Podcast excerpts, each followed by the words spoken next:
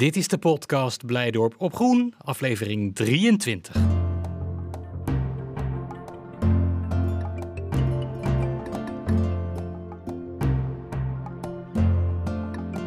Sinds vorig jaar oktober al loop ik voor deze podcast mee met de botanische afdeling van Diergaarde Blijdorp. De dierentuin waar ik al bijna 25 jaar af en toe als losvaste medewerker rondloop. En die ik dus echt wel dacht te kennen.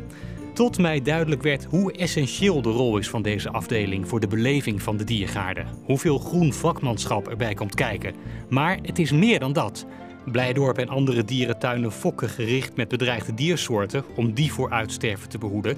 Maar de botanische tuinen, waaronder Blijdorp, doen exact hetzelfde. En dat is hard nodig ook.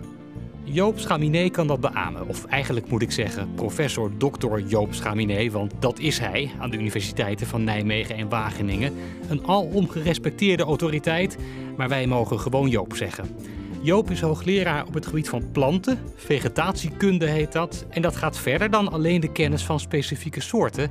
De vegetatiekunde kijkt naar het totaalplaatje, naar complete ecosystemen, de heides, de bossen, de samenhang tussen al die soorten die daar voorkomen. Maar Joop is ook een van de drijvende krachten achter het Levend Archief en de Nederlandse Zadenbank. Het gaat namelijk niet overal even goed met de Nederlandse natuur. Veel plantensoorten zijn bedreigd en het uitsterven daarvan kan dramatische gevolgen hebben. Ook voor ons.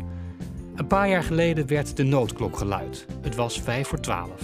En dus richtte Joop met een aantal collega's die zadenbank op. Wat dat met Blijdorp te maken heeft, wordt zometeen duidelijk. Maar eerst die zadenbank. Ik wist helemaal niet dat zoiets bestond. En ik moest gelijk denken aan dat ding op Spitsbergen. Ja, het is inderdaad het is de, de, klok en de klepel, dit verhaal. De Spitsbergen, daar worden de zaden uh, bewaard in het ijs. Dat zijn de zaden van landbouwgewassen, vooral. Dus daar hebben ze de 300 verschillende soorten rassen van tarwe of de 400 verschillende rassen van rijst. Die zijn in Spitsbergen in het ijs opgeslagen en die zijn daar geborgd voor, als het goed is, voor hele lange tijd, wanneer het nodig is om die rassen weer te gaan gebruiken. Maar ze zijn daar minder gericht, of helemaal niet gericht op de wilde flora. En daar richten wij ons wel op. Ja. Dus Spitsbergen is ook een onderdeel, Wageningen is daarbij betrokken, is een van de bedenkers denk ik zelfs van Spitsbergen. Maar wij zijn nu helemaal specifiek gericht op de wilde flora. Wij gaan een zadencollectie aanleggen van alle wilde planten in Nederland. En met name de bedreigde, die moeten we natuurlijk gaan, gaan helpen en, en, en veiligstellen. Maar alle soorten in Nederland willen we in een nationale zadenbank onderbrengen. Uh, en dat goed borgen. Dat betekent gekoeld of ingevroren. Het gaat om 1500 soorten in ons land, ongeveer ja. wilde plantensoorten. Daarvan zijn er 500 zijn bedreigd. Die staan wat we noemen de rode lijst. Ja. 70 daarvan die kunnen elk moment gewoon verdwijnen. En als het dan weg is, zijn ze ook echt weg. Dus dat is onze, in ieder geval onze eerste taak, de backup voor de natuur. Borgen dat we die genetische verscheidenheid van de wilde flora in ons land, dat we dat gewoon veiligstellen en dat we die soorten gewoon bij ons houden en wanneer het nodig is kunnen gaan opkweken om misschien waar het kan terug te brengen. Ja, dit is van iedere ja. plant die in Nederland voorkomt, liggen zaden opgeslagen in Nijmegen en in Wageningen.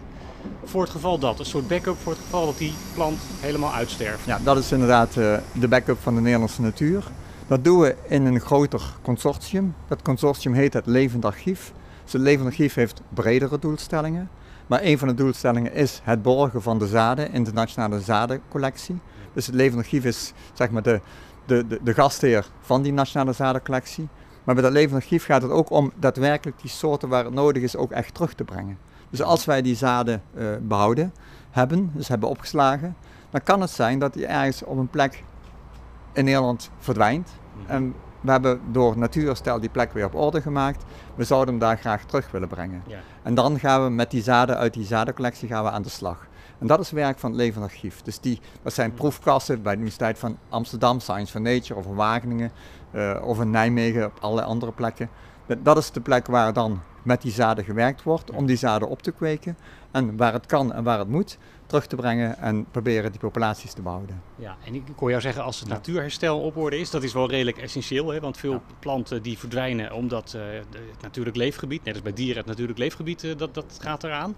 Uh, betekent niet dat je zomaar weer wat zaadjes in de grond kunt stoppen en het probleem is opgelost. Nee, absoluut niet. dat is ook de, de grootste uitdaging.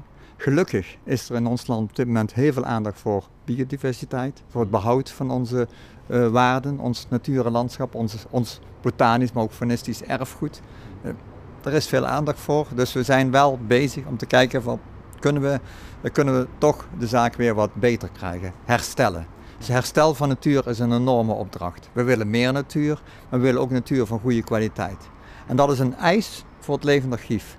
Als we ergens weten dat een soort verdwenen is, dan gaan we die alleen maar terugbrengen als we weer die plek op orde hebben. Ja. Dus we gaan dat door de waterstanden te verhogen of door mm. de stikstoflast te verminderen of allerlei werk wat we doen anders te beheren, gaan we die plek weer in orde krijgen. Gelukkig, gelukkig gebeurt dat op heel veel plekken door Staatsbosbeheer, natuurmonumenten, de landschappen. Op heel veel plekken lukt het ons om die plekken weer beter te krijgen dan ze geweest zijn. Op welke manier gebeurt dat dan? Dat is uh, in samenwerking met uh, met andere terreineigenaren. Dat kan zijn dat je de waterstanden ophoogt omdat het ver, ver uh, verdroogd is. Ja. Het kan zijn dat je moet zorgen dat het grondwater weer uh, invloed krijgt op de vegetatie omdat het verzuurd is. Het kan ook zijn, en dat is vaak het geval, dat het veel te stikstofrijk en fosfaatrijk is, vermest. Dus dan zul je moeten gaan verschalen of je moet de toplaag van de bodem eraf halen, mhm. zodat die uitgangssituatie weer schraler wordt. Of je gaat gericht beheren om te zorgen dat die intensieve graslanden toch minder intensief worden en langzaam schraal worden, zodat de plek weer geschikt wordt voor die planten, en dat geldt ook voor de fauna, maar zeker voor die planten als die uh, ja, verdwenen zijn. Maar dan kunnen ze terugkomen. Dus dat is voor ons een eis met levend archief. Mhm. De plek moet op orde zijn. De plek moet er ook, moet ook zo zijn dat die soort daar vroeger gestaan heeft. En, mhm. en dat is onze derde eis, want we gaan niet zomaar over plantjes rond, nee, rondstrooien. Onze derde eis is, die soorten kunnen er niet vanzelf komen. En helaas is dat in ons versnipperde landschap heel vaak het geval. We hebben op een gegeven moment uh, een plek weer op orde, mhm. maar die soorten komen in die hele omgeving überhaupt helemaal niet meer voor. Nee. En dan ga je eigenlijk de situatie krijgen, en dat is uitermate frustrerend, ook voor de beleidsmensen, mhm. dat je misschien wel miljoenen hebt geïnvesteerd om die plek weer op orde te brengen. En dan is die plek op orde, dus de waterstand is goed, de, de, de stikstofbelasting is verminderd, het is weer lekker vochtig, maar de soorten komen er niet. En dan heb je die beheerder die ja, alles gedaan heeft om het goed te krijgen, maar de soort komen er niet. Die soort kan er, er niet komen. En dat is het moment dat we zeggen, en nou gaan we helpen. We weten gewoon nu van, die soort komt er gewoon niet vanzelf. Nee. En er zijn heel veel voorbeelden van, ook dat we weten dat het echt niet gebeurt. Die soort komen daar gewoon niet. Mm -hmm. Kan ik hele mooie verhalen vertellen, maar daar hebben we de tijd niet voor. Mhm. Maar die zijn wel boeiend. Ja. Dan zie je ook hoe het werkt.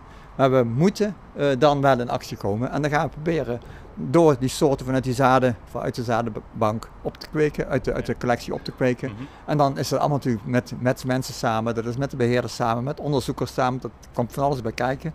Dan gaan we uiteindelijk zoveel zaden weer opkweken dat we die soort kunnen versterken. Ja. En dan als dat lukt, mhm. ja, dan hebben we natuurlijk prachtige verhalen.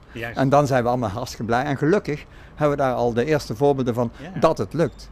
Dus dat zijn dan de gevallen waarin de zadenbank eigenlijk hulp biedt. Maar als het op een natuurlijke manier kan, als die plant op een normale manier nou ja, zonder hulp kan terugkomen, dan heeft dat de voorkeur, begrijp ik. Absolute voorkeur.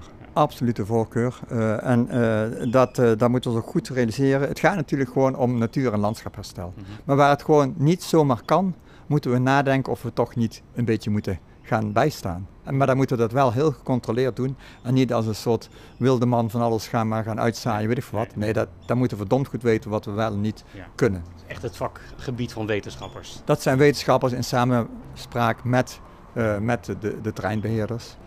En gelukkig steeds meer ook met botanische tuinen en andere plekken. Waar... Ja, want dat is de reden dat, eh, dat we jou uh, spreken vandaag. Hè. Er is ook een raakvlak met, uh, met de botanische tuinen. Uh, in 2018 is die zadenbank begonnen. En je zegt we hebben nu al daar gebruik van kunnen maken door soorten terug te brengen. Dat betekent dat het eigenlijk wel, wel snel gaat met de zadenbank. Ja, het gaat heel veel sneller dan we überhaupt hadden kunnen bedenken. Mhm. de, het idee van we gaan goddomme dat botanische erfgoed in ons land niet zomaar verliezen. Nee uh, dat hebben we een aantal tv-programma's is dat uitgesproken, is op het journaal geweest. Er zijn ontzettend veel aandacht voor geweest.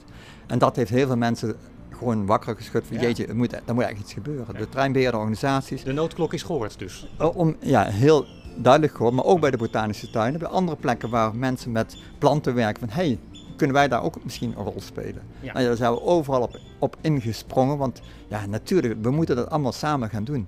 Uh, dat levend archief is een platform. Het, het, is niet van mij, het is van niemand, het is een platform. En we gaan met z'n allen samen proberen die natuur te herstellen. En daar komt van alles bij kijken. Dus die kennis van hoe doe je dat, die zaden, maar ook de educatie. Gewoon het, het mensen laten zien hoe. Uitleggen waarom je het doet. Waarom je het doet, hoe mooi die planten zijn. Juist. Soort- en natuurbehoud, educatie, bewustwording. Dat is waar Diergaarde Blijdorp voor staat.